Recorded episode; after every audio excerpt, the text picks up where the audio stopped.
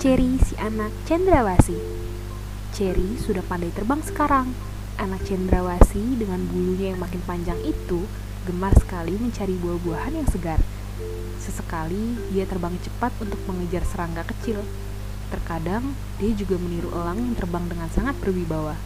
Cherry sangat menyukai terbang di atas pucuk pepohonan yang tinggi. Dalam setiap penerbangannya, Cherry selalu melihat pemandangan di sekelilingnya. Dia sangat kagum dengan keindahan alam di hutan Papua itu. Suara-suara binatang hutan nyaring terdengar.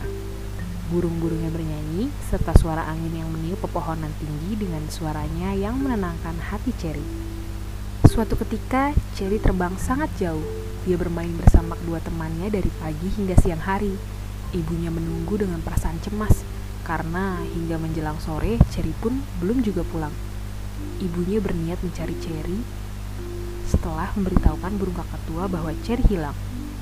Ibu Cherry berpesan kepada kakak tua, jika ada Cherry pulang, jangan mencari ibunya karena menjelang malam nanti ibunya sudah pasti akan pulang.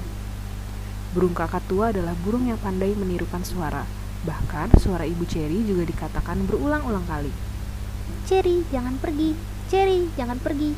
Ibu pulang sebelum malam. Cherry, jangan pergi. Cherry, jangan pergi.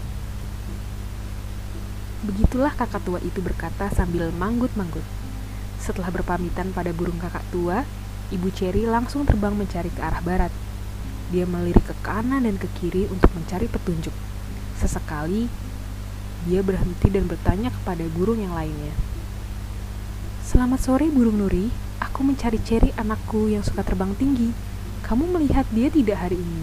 Karena sejak tadi pagi dia pergi dan belum pulang hingga sore ini. Ibu Cherry bertanya kepada kawanan burung Nuri yang sedang berjajar di dahan pohon matoa. Burung Nuri saling bertatapan dengan temannya. Kemudian salah satu di antara mereka ada yang berbicara. Kami melihat Cherry tadi pagi. Dia terbang ke arah sana. Burung nuri yang berwarna merah bergaris biru itu berkata, dia mengangkat sayap tangan kanannya untuk menunjukkan arah. Dari sana dapat terlihat hutan merbau dan daunnya hijau tua dan hijau muda di pucuknya. Terlihat sangat jelas. Setelah berpamitan untuk mencari Cherry, Ibu Cherry kemudian bergegas terbang. Dia dengan cepat telah sampai di atas pohon-pohon merbau yang tinggi. Di atas pepohonan itu, dia menelusuri pertanda keberadaan Cherry. Dia terbang berputar secara perlahan, kemudian terus terbang mencari lagi dengan perasaan cemas. Ibu Cherry kemudian melihat bunga-bunga yang indah, berwarna-warni di dekat sungai setelah melewati pepohonan merbau yang tinggi itu. Kemudian dia turun untuk menghilangkan rasa haus dan letihnya karena terbang terus mencari Cherry. Ketika sampai di bunga yang menyerupai taman itu, di sana terdapat beberapa kupu-kupu yang sedang menghisap sari bunga dengan riang. Mereka terlihat indah dengan warna sayap yang besar itu. Ibu Cherry kemudian mendekati kupu-kupu itu untuk bertanya. Kupu-kupu, aku sedang mencari anakku. Dia bernama Cherry. Apakah kamu melihatnya hari ini? Mendengar ada yang bertanya, kupu-kupu itu kemudian menoleh. Dengan ramah, dia tersenyum. Kemudian mendekati ibu Cherry. Sayap kupu-kupu itu terlihat indah sekali. Dia adalah kupu-kupu sayap burung peri. Ukurannya cukup besar, jika sayapnya dibuka, bisa melebihi telapak tangan orang dewasa. Kupu-kupu itu melihat ibu Cherry dengan perasaan khawatir. Kemudian dia mempersilahkan ibu Cherry untuk minum di sungai terlebih dahulu, karena ibu Cherry terlihat sangat kehausan. Selain itu, ibu Cherry juga sangat terlihat kelelahan, tetapi semangat untuk mencari Cherry begitu terlihat jelas dari matanya yang bersinar itu. Ibu Cherry kemudian membalikkan badannya. Dia melangkah untuk meminum air dari sungai itu. Airnya sangat jernih dan terasa menyegarkan, hingga dia merasa segar kembali. Kecemasan dan kelelahan pun seketika itu sirna dari wajahnya. Uh, sepertinya aku melihat Cherry tadi pagi. Dia pergi ke hutan terlarang. Aku sudah mencegahnya, tapi dia dan kedua temannya berkeras untuk pergi ke sana. Cepatlah, kau pergi ke sana. Karena hingga saat ini aku belum melihatnya terbang untuk kembali. Ibu Cherry langsung terdiam sejenak. Paruhnya masih berada di dalam air, tapi pikirannya sudah terbang dan membayangkan Cherry yang pergi ke hutan terlarang. Benarkah apa yang kau katakan itu? Ibu Cherry bertanya dengan perasaan yang sangat cemas. Aku tidak berbohong. Cepatlah kau pergi ke sana. Mendengar perkataan itu, Ibu Cherry langsung melompat dan terbang. Dia sangat khawatir dengan keadaan Cherry dan teman-temannya itu. karena mereka terbang ke hutan terlarang. Kini, Ibu Cherry tidak memperhatikan keadaan di bawahnya lagi, karena dia ingin segera cepat sampai di hutan terlarang. Dalam keadaan cemas itu, Ibu Cherry berusaha keras untuk terbang secepat-cepatnya. Dia tidak memperdulikan lagi keadaan dan jarak yang ditempuhnya. Dia pun menyesal tidak pernah memberitahukan larangan kepada Cherry bahwa hutan larangan itu memang berbahaya untuk dikunjungi. Kehidupan di sana memang tidak baik untuk keluarga mereka sebagai cendrawasi. Selain itu, hewan yang lain pun sudah jarang yang berada di sana karena sangat berbahaya. Oleh karena itulah dinamakan hutan terlarang. Samar dari kejauhan, Ibu Cherry melihat sebuah pohon tua yang sudah kering. Ranting pohonnya sudah terlihat lap dan tidak berdaun lagi. Pohon itu adalah pohon yang paling dekat dengan hutan terlarang itu. Itu adalah pohon tertua yang sangat tinggi. Entah kenapa, Ibu Cherry terus memperhatikan pohon di depannya itu. Sejak pohon itu terlihat sebesar semut dari kejauhan pun, Ibu Cherry terus memperhatikannya. Ternyata firasatnya benar, karena semakin dekat, pohon itu semakin terlihat jelas. Dan di sana ada Cherry bersama kedua temannya sedang bertengger menghadap ke hutan terlarang. Ibu, Cherry teriak ketika telah menyadari ibunya sedang terbang mendekati mereka. Ibu Cherry terlihat tidak terlalu cemas lagi karena Cherry masih dalam keadaan baik-baik saja.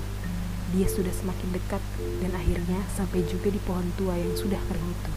Ibu Cherry langsung bertengger dengan nafas yang tersengal. Dia pun langsung memeluk Cherry dengan sayapnya yang bergetar. Ibu Cherry memang sangat lelah telah terbang jauh ke sana. Dengan perasaan lega, Ibu Cherry menangis karena dapat menemukan Cherry. Teman-teman Cherry menunduk. Mereka menyadari telah melakukan kesalahan. Pasti orang tua mereka juga sedang cemas karena mereka belum pulang. Syukurlah nak, kamu tidak apa-apa. Ibu Cherry berkata sambil meneteskan air mata. Tanpa disadari, teman-teman Cherry juga berlinang air mata. Mereka terharu dengan kasih sayang ibu Cherry itu. Mereka juga meyakini bahwa orang tua mereka juga pasti sedang kebingungan mencari mereka. Cherry dia menunduk dan menyadari kesalahannya. Apa yang sedang kalian lakukan di sini? Ibu Cherry bertanya setelah melepaskan pelukannya dari Cherry. Cherry dan kedua temannya terdiam. Mereka kini menghadap ke arah hutan terlarang. Di sana terlihat hutan tandus dengan tidak terdapat satupun pohon yang berdiri. Hanya beberapa bangunan dan lubang besar saja yang ada di sana. Sangat besar hingga mereka tidak mungkin bisa terbang untuk melewatinya. kami sedih, Bu. Lihatlah, di sana terlihat sangat panas dan berdebu. Tidak ada pohon, tidak ada hewan yang berkeliaran di sana. Kami juga tidak melihat sungai. Bagaimana itu bisa disebut hutan, Bu? Cherry berkata dengan tatapan yang sangat sedih, karena yang dilihat di hadapannya hanyalah tanah yang kotor dan tidak sejuk lagi. Cherry tidak bisa membayangkan bagaimana bisa ada kehidupan di tanah seperti itu. Ibu Cherry terdiam dia terlihat mengatur nafas. Pandangannya kini sama dengan Cherry. Mereka menghadap ke hutan terlarang. Ibu Cherry sepertinya sedang mengenang masa lalu. Dia menatap dengan tatapan yang hampa dan kosong.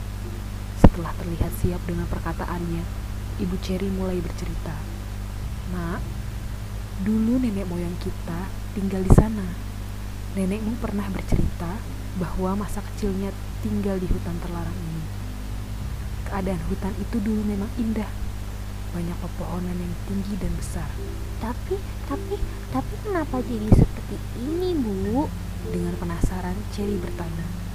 Ibunya menarik nafas panjang, kemudian mulai bercerita lagi. Nenekmu bercerita dulu bahwa telah terjadi penebangan pohon secara besar-besaran. Kemudian ada penggalian tanah yang sangat luas, hingga semua hewan yang tinggal di hutan ini terusir kemudian pindah ke hutan yang kita tempati sekarang. Entah apa yang dilakukan manusia sebanyak ini, karena begitu banyak kehidupan yang mati di hutan ini.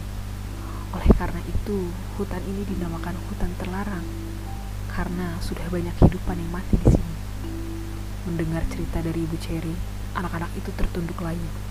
Mereka bersedih, mereka sangat terpukul dengan keadaan itu, karena kehidupan hutan yang telah mati itu begitu luas sekali. Cherry bahkan terlihat meneteskan air mata.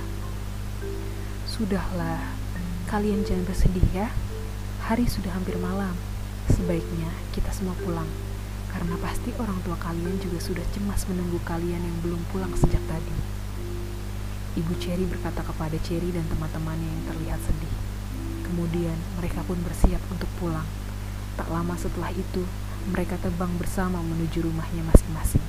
Ibu Cherry di belakang. Cherry dan teman-temannya terbang di depan dengan perasaan yang masih sedih. Dalam penerbangan menuju pulang itu, Cherry bertanya dalam hatinya, Hmm, akankah pengerusakan hutan seluas itu terjadi lagi?